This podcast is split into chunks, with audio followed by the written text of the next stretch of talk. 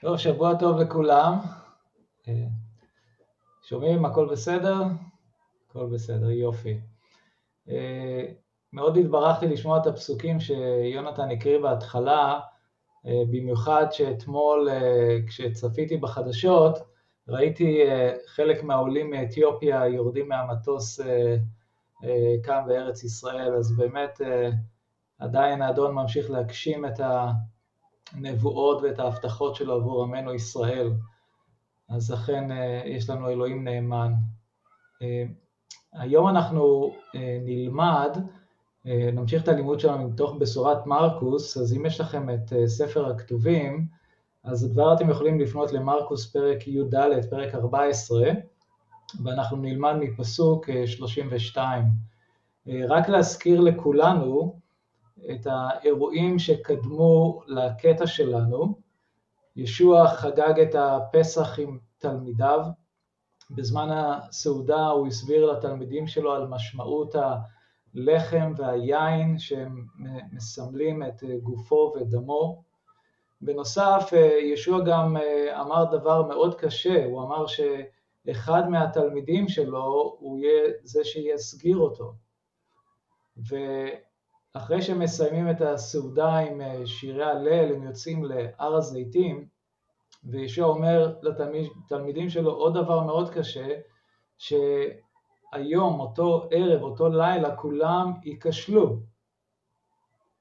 עכשיו, אה, אני לא יודע מה איתכם, אבל uh, המעבר הזה, מתוך חגיגה, מתוך סעודה של הפסח, להמון רגשות, וכאילו ישוע מדבר, אני, אני עומד לעזוב אתכם, אני, אני, אתם הולכים להיכשל, יש ביניכם בוגד, ואז יש שירי הלל, ופשוט אה, באמת, אה, רק להיות בסיטואציה הזו זה, זה באמת יכול לעורר אה, המון המון רגשות. וכשישוע אומר לתלמידים שלו שהם ייכשלו, אז אנחנו גם ראינו ששמעון קיפה, וככה בביטחון, אומר, גם אם הכל ייכשלו, אני לא ייכשל.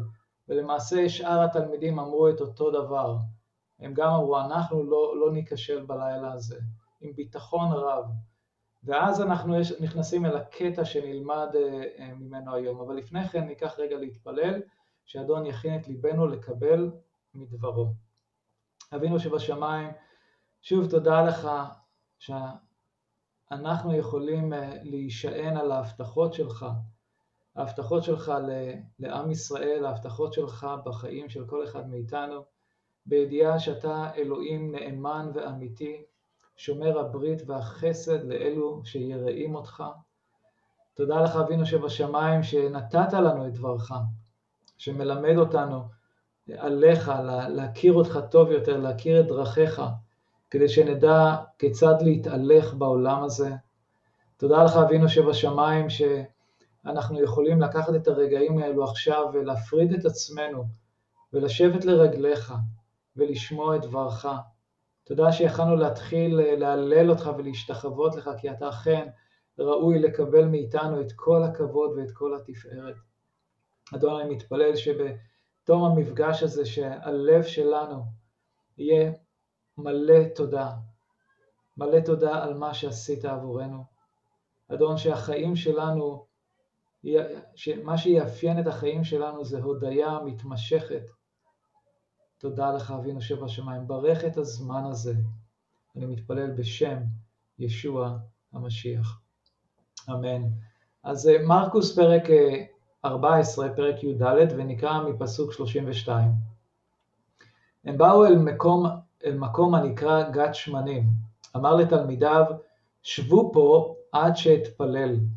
לקח איתו את קיפה ואת יעקב ואת יוחנן, והחל מתמלא חרדה ומועקה. אמר להם, נפשי מרה עלי עד מוות, יישארו פה ויהיו ערים. עכשיו ישוע ותלמידיו מגיעים להר הזיתים, למקום שנקרא גת שמנים.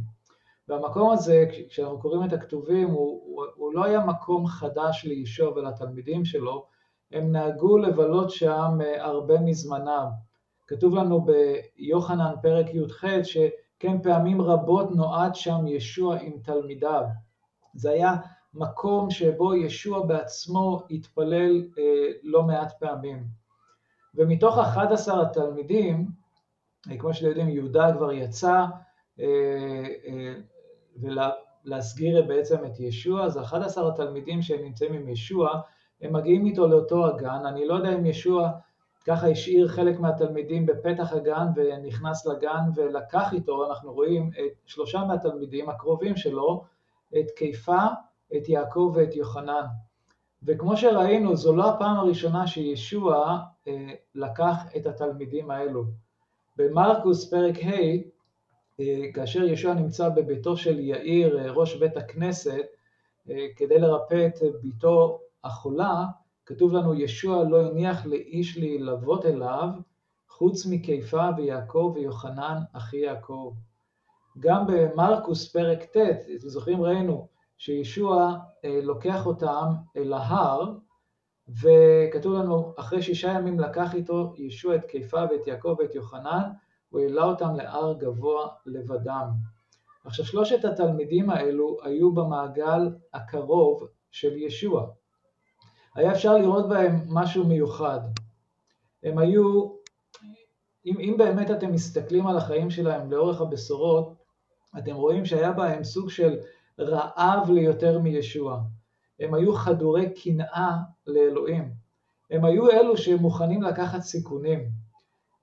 עכשיו, אם מסתכלים על יעקב ויוחנן, אנחנו, אם אתם זוכרים את הסיפור, גם למדנו איתו שהם היו ליד כפר שומרוני, והכפר שומרוני לא רצה לקבל את ישוע.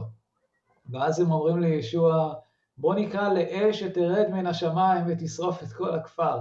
עכשיו, אה, זו אמירה די אה, רצינית לומר דבר כזה, אבל הם היו שני אנשים שבאמת כאילו, מה, ישוע לא מוכנים לקבל אותך, בוא, בוא נרד עליהם, בוא נעשה משהו בסגנון אליהו הנביא ונוריד אש מן השמיים.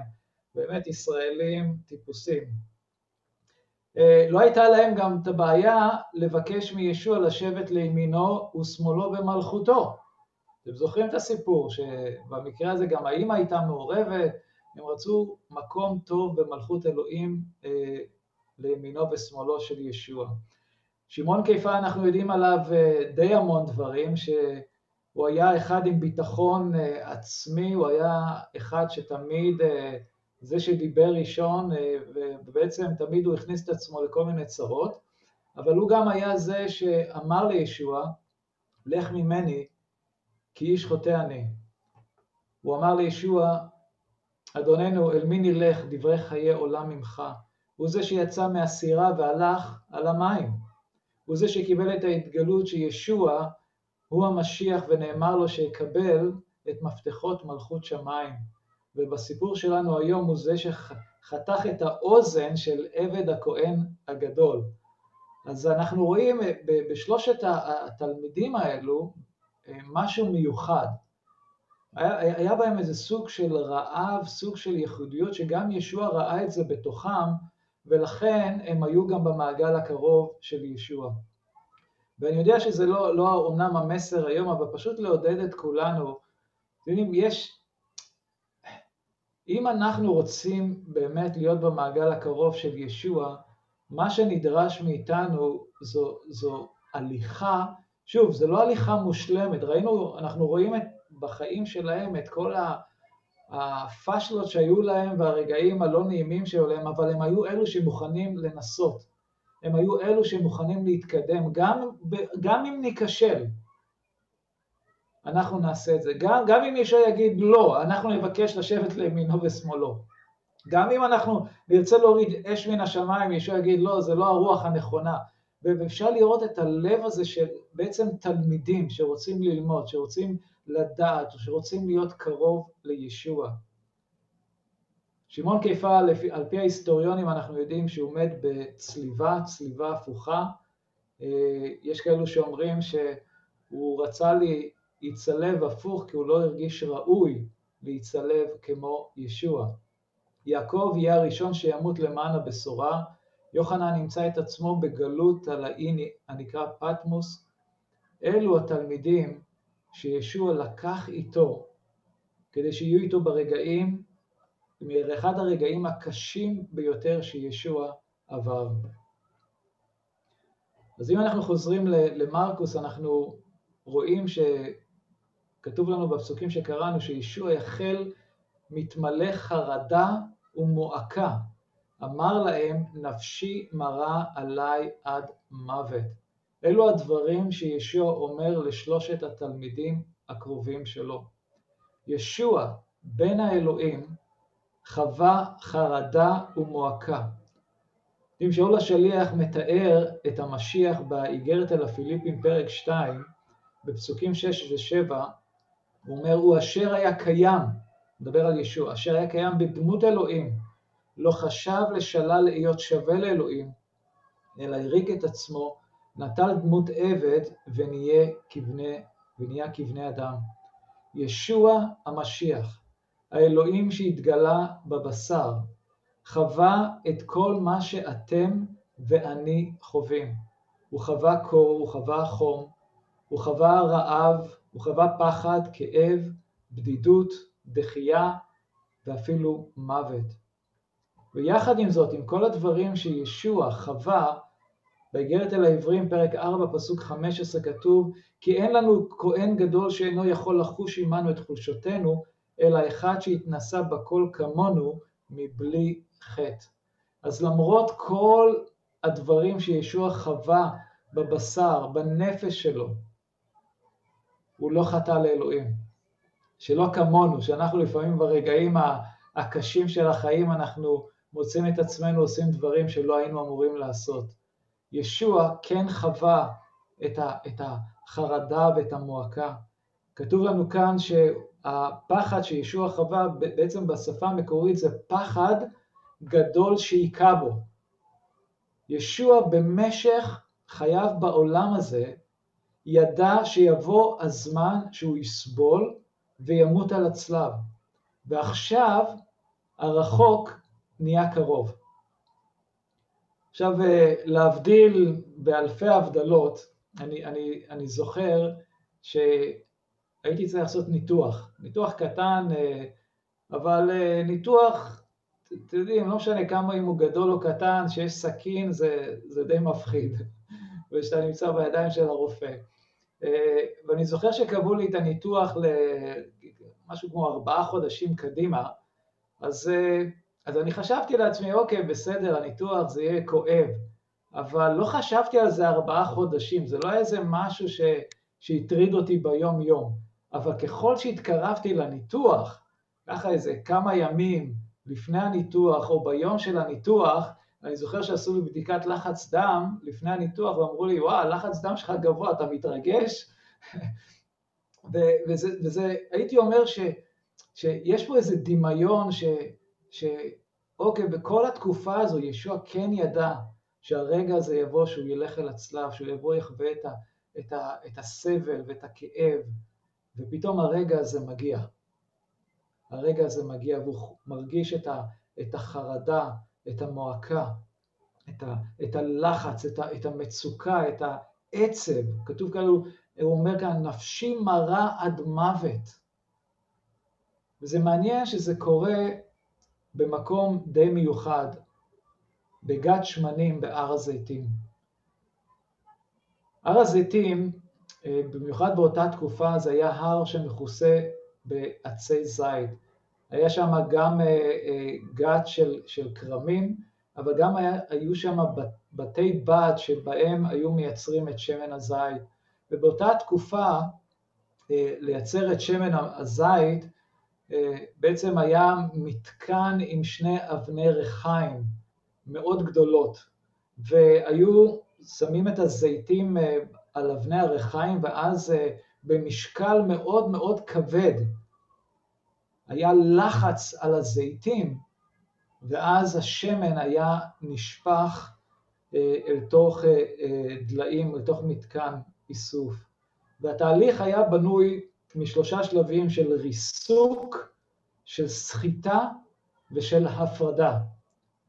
אז תארו לעצמכם ש, שישוע בן האלוהים נמצא במקום הזה, במקום הזה של, ה, של הלחץ, של הריסוק, של, ה, של, ה, של הסחיטה,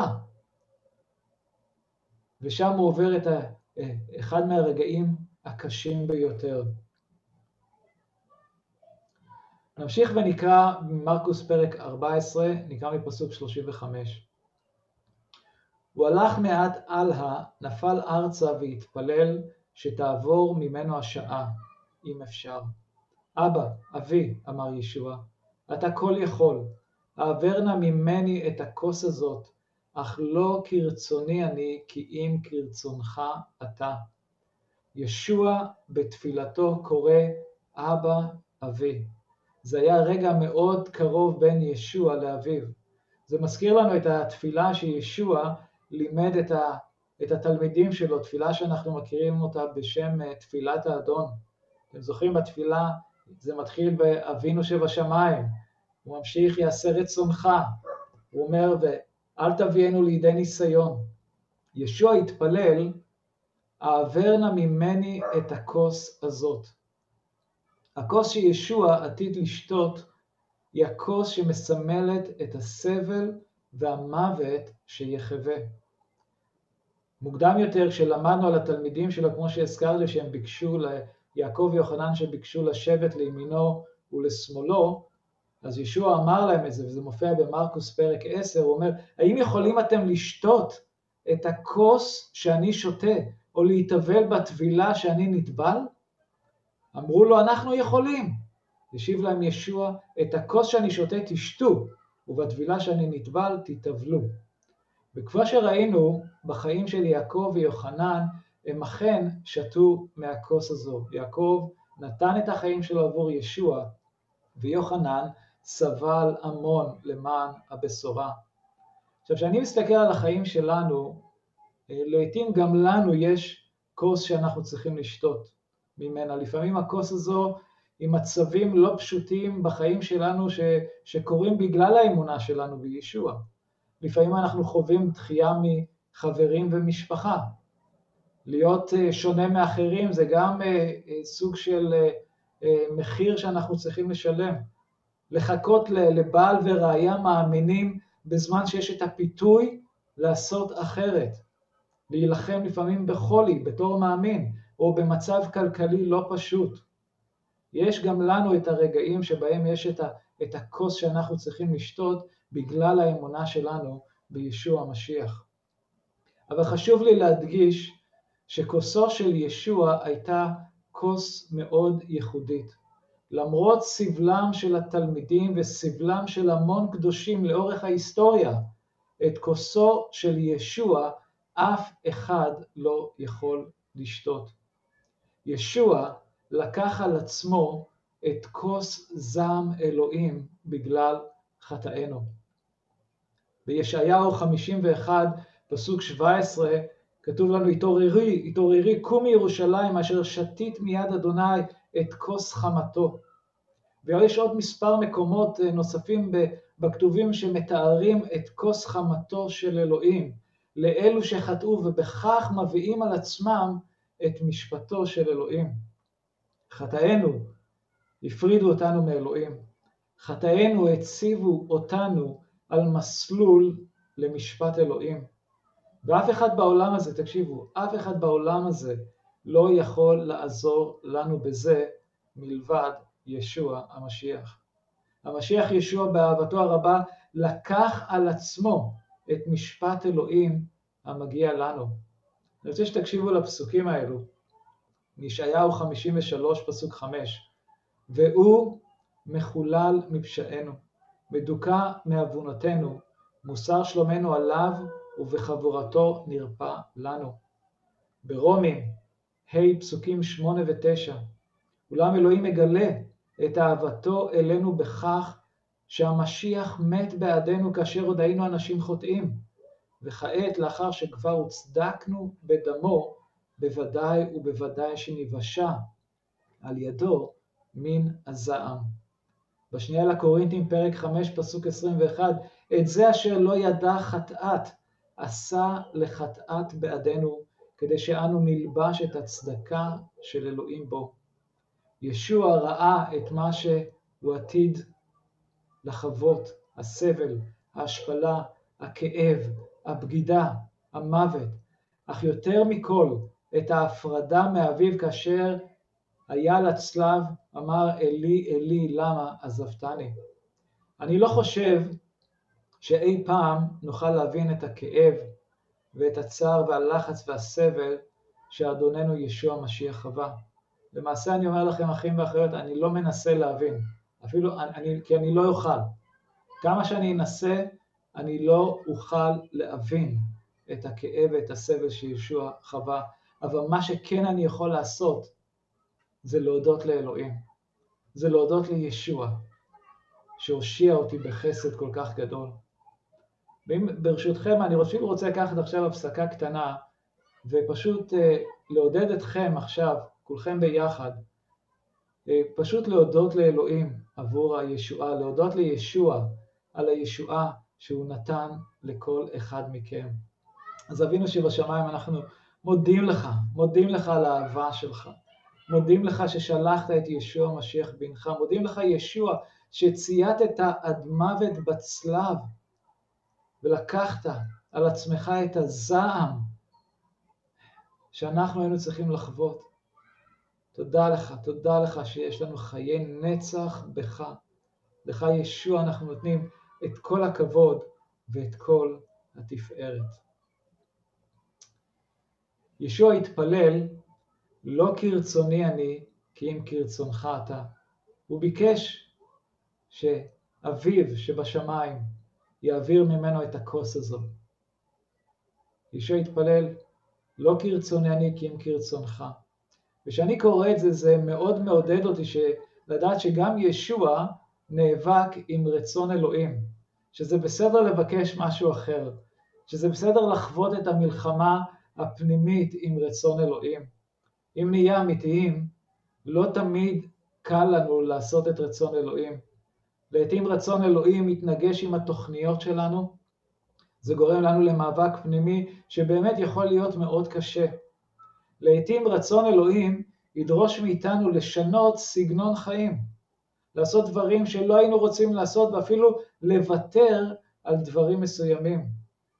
לפעמים אנחנו יודעים שגם רצון אלוהים עבור חיינו, וזה דבר גדול בפני עצמו כשאנחנו יודעים אותו. אנחנו צריכים להיות ערים לכך תמיד, שאויב נפשנו, השטן, ינסה בכל דרך אפשרית למנוע מאיתנו לחיות ברצון אלוהים. אתם יודעים שישוע לימד את התלמידים שלו, שהוא הסביר להם שהוא עתיד ללכת לירושלים ולסבול הרבה ולמות ולקום לתחייה ביום השלישי, אם אתם זוכרים את הסיפור שכיפה, שלוש, אחד מהתלמידים הקרובים שלו לקח את ישוע לצד והחל לגעור בו. הוא אומר, חלילה לך אדוני, אל יהיה לדבר הזה לך. אתם זוכרים את הדברים הקשים שישוע אמר לו? סור מלפניי שטן, מכשול אתה לי, כי אין לבך לדברי אלוהים אלא לדברי בני הדם. השטן בעצמו ניסה להוציא את ישוע מלעשות את רצון אלוהים. ורצון אלוהים עבור ישוע היה ללכת אל הצלב ולהיות הקורבן המכפר עבורנו. וגם בחיים שלנו, אמנם אנחנו לא נקראנו לעשות את מה שישוע עשה, ישוע עשה את זה פעם אחת ולתמיד, ואנחנו לא צריכים לעשות את הדבר הזה, אבל לכל אחד מאיתנו יש ייעוד, לכל אחד מאיתנו יש קריאה, לכל אחד מאיתנו יש הליכה מאוד ייחודית שאלוהים מכין לנו בעולם הזה, ואני יודע שהאויב, השטן, ינסה להוציא אותנו מן הדרך, למנוע מאיתנו מלהגשים את רצון אלוהים בחיים שלנו. אני זוכר שעבדתי, ב... הייתי די מאמין צעיר, הייתי בשנים הראשונות של האמונה שלי ועבדתי במקום אה, עבודה שנקרא גלטרוניקס, ועבדתי שם כשאנחנו, הייתי מייצר אנטנות לטלפון הסלולריים. זה, זה היה ממש בהתחלה. אם, את, אם יש כאלו מכם שזוכרים, זה טלפון מאוד גדול, אפור עם אנטנה, זה היה משהו ככה, גודל כזה, היה צריך תיק לקחת את הטלפון הזה.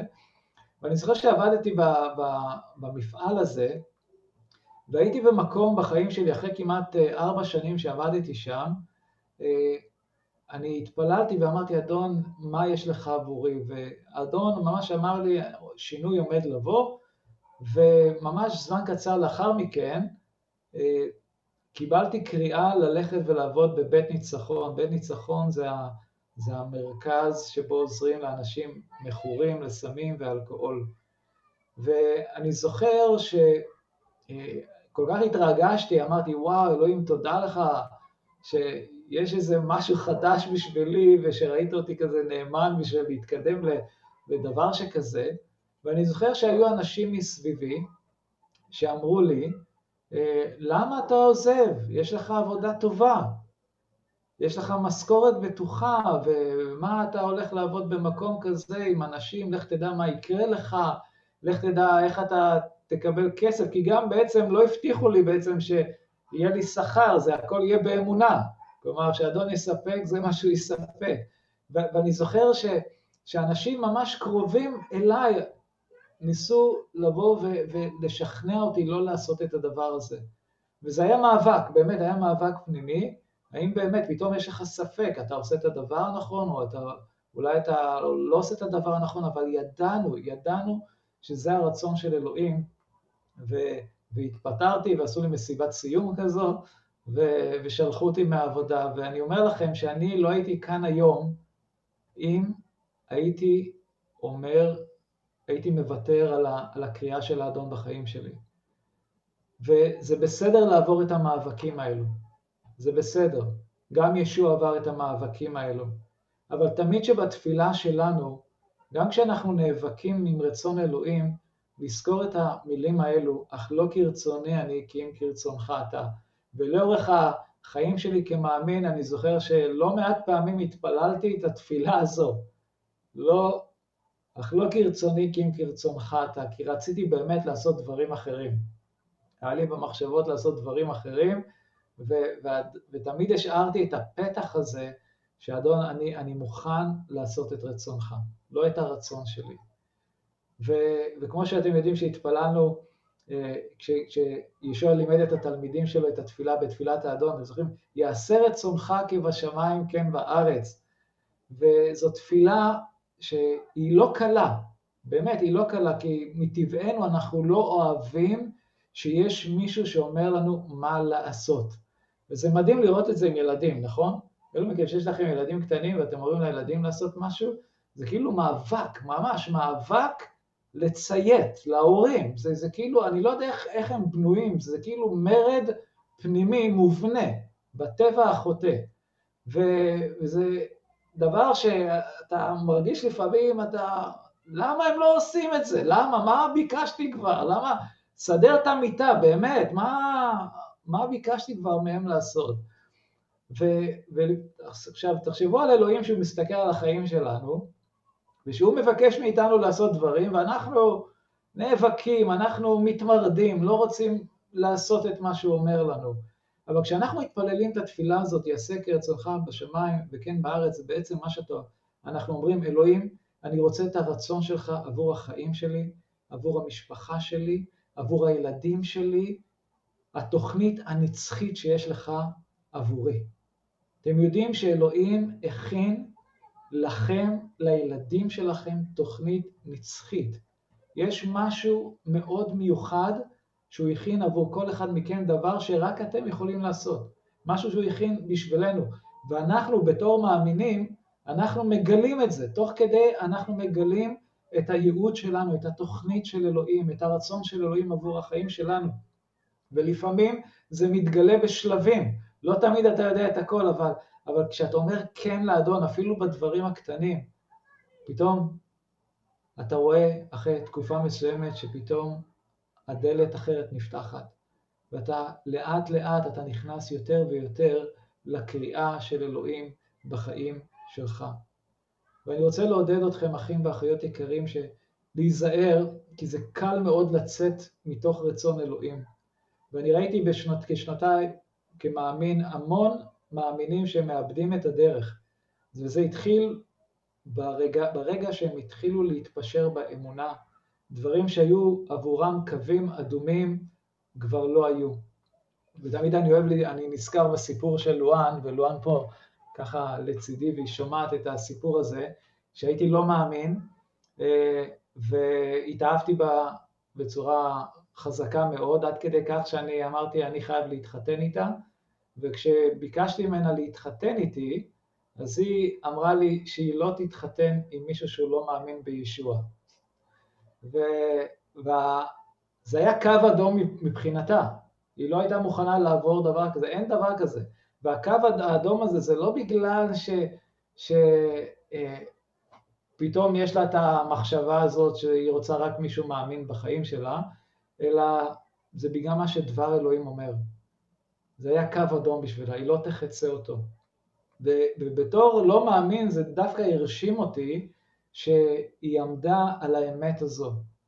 ואני מודה לאלוהים שהיא עמדה על האמת הזו, כי אלוהים הכניס אותי מאותו רגע למסלול בחיים שלי שהביא אותי למקום של ישועה.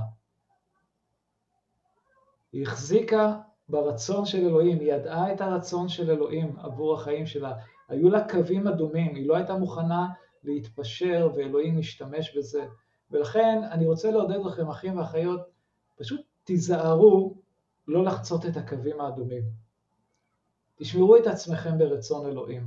זה בסדר לעבור את המאבקים, זה בסדר להתפלל תפילות, אה, אלוהים אני לא רוצה לעשות את זה, או אלוהים אני רוצה לעשות את זה, אבל תמיד, תמיד, תמיד בתפילה שלכם, שהתפילה תהיה לא כרצוני אני אלא כי אם כרצונך, אתה, שישוע יהיה לנו לדוגמה. נמשיך ונקרא במרקוס פרק 14, אה, נקרא מפסוק 37. לאחר מכן בא ומצא אותם ישנים. אמר אל קיפה, שמעון, אתה ישן? האם לא יכולת להיות ער שעה אחת? היו ערים והתפללו כדי שלא תבואו לידי ניסיון. אמנם הרוח חפצה, אבל הבשר חלש. שוב הלך והתפלל באומרו אותם דברים, ושוב מצ... בא ומצא אותם ישנים, כי עיניהם היו כבדות, ולא ידעו מה לענות לו. הוא בא פעם שלישית ואמר להם, עודכם ישנים ונחים? די, הגיעה השעה. הנה בן האדם נמסר לידי אנשים חוטאים, קומו ונלך, הנה המסגיר אותי מתקרב. ישוע המשיח, בן האלוהים, לא רצה לעבור את הרגעים הקשים האלו לבד. הוא רצה שהתלמידים הקרובים שלו יהיו איתו ברגעים האלו. אך מה שקרה, אנחנו רואים שהתלמידים נרדמו, הם לא הצליחו להישאר ערים עם ישוע. והסיבה שהם נרדמו, זה לא בגלל שרק הם חוו עייפות פיזית. בבשורת לוקאס כתוב, הוא כתוב, הוא ניגש אל התלמידים ומצא אותם ישנים מיגון. מצא אותם ישנים מיגון. הם גם בעצמם חוו סוג של צער, כאב ואבל. אתם זוכרים את היום שהם חוו, את סעודת הפסח, את הדברים הקשים שישוע אמר להם, אני לא אהיה איתכם, יש ביניכם אחד שיסגיר אותי, היום אתם כולכם תיכשלו. וכל המחשבות האלו, הרגשות האלו, סערת הרגשות ש, ש, שהייתה בהם, גרמה להם ליגון, לצער, לכאב. וברגע שאתה מתחיל לחשוב, שאתה נמצא ברגע הזה שאתה מתחיל לחשוב על שינוי, על פחד מהלא נודע, על השלכות עתידיות, אה, שאתה לא יודע בדיוק מה הולך לקרות איתך, זה גורם לך לסוג של עייפות נפשית, שלעיתים מקבלת ביטוי בעייפות פיזית, ואתה רוצה ללכת ולישון, בתקווה שאתה אולי תתעורר והמציאות תהיה אחרת. כמה פעמים חוויתם את הרגעים האלו, שהייתם ברגעים מאוד קשים, ומה שרציתם זה היה פשוט ללכת לישון. אני רוצה להתנתק, אני, אני רוצה ללכת ולשכוח מהכל. ואולי להתעורר ולחשוב ש, שאולי חלמתי שזה היה איזה סוג של חלום. ישוע היה לבד ברגעים הקשים ביותר. תלמידים שלו לא יכלו להיות ערים איתו אפילו שעה אחת. אבל תודה לאל שאלוהים לא עוזב אותנו גם כשכולם עוזבים אותנו. אלוהים תמיד לצידנו, ובבשורת לוקאס כתוב לנו שנראה אל ישוע מלאך מן השמיים וחיזק אותו. איזה דבר נפלא זה. שאפילו שאין אנשים מסביבך שיעודדו ויחזקו איתך ויתפללו עבורך, אלוהים רואה אותך במצב הזה והוא, אומר, אני אשלח את אחד המלאכים שלי לחזק אותך. ואלוהים יעשה את זה גם אם אנחנו צריכים. אנחנו גם לעיתים חווים מצבים קשים ולא תמיד ביכולת שלנו לעזור למישהו. לפעמים העזרה, תקשיבו, זה הנוכחות שלנו, זה התפילות שלנו, זה העידוד שלנו, שאנחנו מחזקים את ידיהם של העייפים. לא תמיד אנחנו פרקטית יכולים לעזור, לא תמיד אנחנו יכולים לעזור למישהו שעובר משהו נפשי או סובל או נושא על עצמו מסע מאוד קשה, אבל זה שאנחנו שם בשבילהם, להתפלל עבורם, לעודד אותם, להחזיק להם את הידיים בתפילה, זה עושה את כל ההבדל, אחים ואחיות. ואני רוצה לעודד אתכם. אנחנו קהילה. אתם יודעים, זה, זה מדהים לראות כאן את, ה, את הזום, יש תיאור של הקהילה, של המאמינים, כאבנים חיות, נבנים להיות משכן רוחני, וזה נראה כל אחד כמו איזה אבן בקיר, בחומה, וזה מהקריאה שלנו. זה לתמוך אחד בשני, להתפלל אחד עבור השני, להיות אחד עבור השני, וזה יעשה את כל ההבדל. אז אני פשוט רוצה לעודד אתכם, שאם אתם יודעים על, על מישהו בקהילה שסובל אולי מחולי, אולי ממצב כלכלי לא פשוט, אולי אה, סוג של אובדן או אבל, אלוהים קורא לנו להיות שם בשבילהם. אנחנו, המשפחה שלהם עכשיו, אנחנו אלו שיש לנו את הכוח לחזק אותם ולעודד אותם. במקרה של ישוע, התלמידים אולי פיזית היו שם, אבל הם היו ישנים. הם לא היו איתו, לא חוו איתו את הרגעים הקשים האלו שהוא חווה. ישוע אומר לתלמידים שלו, היו ערים והתפללו כדי שלא תבואו לידי ניסיון. אמנם הרוח חפצה, אבל הבשר חלש. ישוע בא ומעיר אותם, הוא אומר להם, אתם, אתם ישנים, תתעוררו, תתפללו, שלא תבואו לידי ניסיון. ישוע ידע מה עומד לקרות לתלמידים שלו, הוא התפלל עבורם, כדי שהם לא יבואו לידי ניסיון. כשאנחנו מדברים על ניסיון, זה יכול להיות גם מבחן מאלוהים שנשלח אה, לבחון את האמונה שלנו, את האופי שלנו, אבל גם זה מתייחס לניסיון שבא מהשטן, כפי שישוע אמר קודם לכן, אתם זוכרים, הוא אמר, הוא מסתכל על שמעון, אבל הוא אומר את זה לכל התלמידים, הוא אומר להם, הנה דרש השטן לטלטל אתכם כחיטים בכברה. ישוע ידע את הניסיון הזה ש, שהתלמידים שלו עומדים לחוות בעוד כמה רגעים. הוא אומר להם, תהיו ערים, תתפללו, זה לא הזמן ללכת לישון. בתפילת האדון הוא אומר, ותתפללו ואל תביאנו לידי ניסיון כי אם חלצנו מן הרע. אנחנו חייבים להיות ערניים בתפילה, וזה אומר לעמוד על המשמר. זה להיזהר מהפוגה, מנרפות, מסוג של עצלות.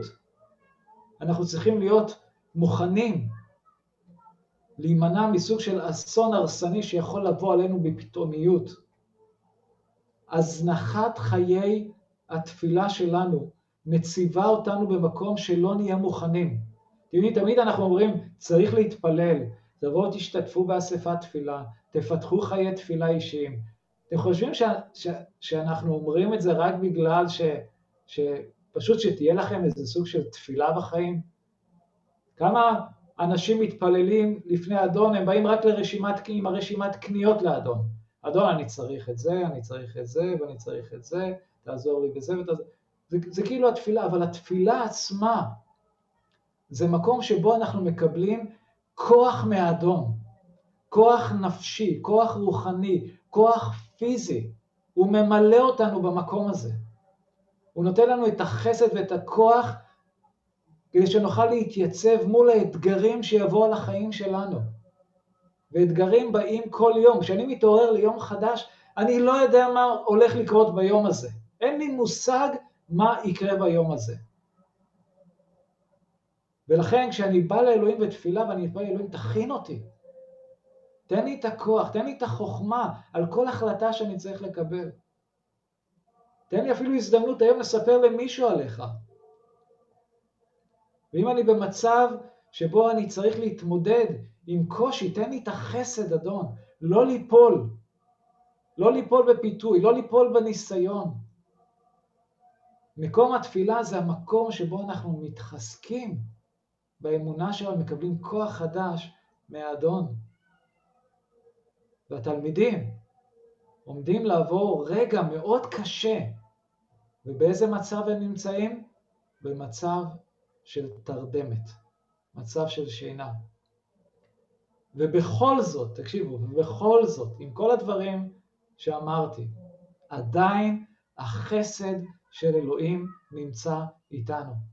כי גם כשהוא אמר לי, לשמעון קיפה ולתלמידים, הנה דרש, הנה דרש השטן לטלטל אתכם כחיטים בגברה, ישוע אמר, אני התפללתי עבורכם. התפללתי עבורך, שמעון, שלא תכלה אמונתך. ישוע עדיין מתפלל עבורנו.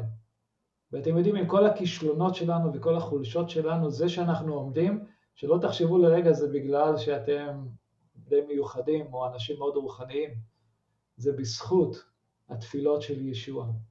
אני יודע שזה מה שמחזיק אותי, כי אני צריך את התפילות של ישוע, ואם אני נשען רק על התפילות שלי, אז חבל על הזמן, זה לא מספיק. אבל כן לעודד אתכם, וקחו את הרגע לבחון את חיי התפילה שלכם לפני אדון. איפה זה נמצא עכשיו?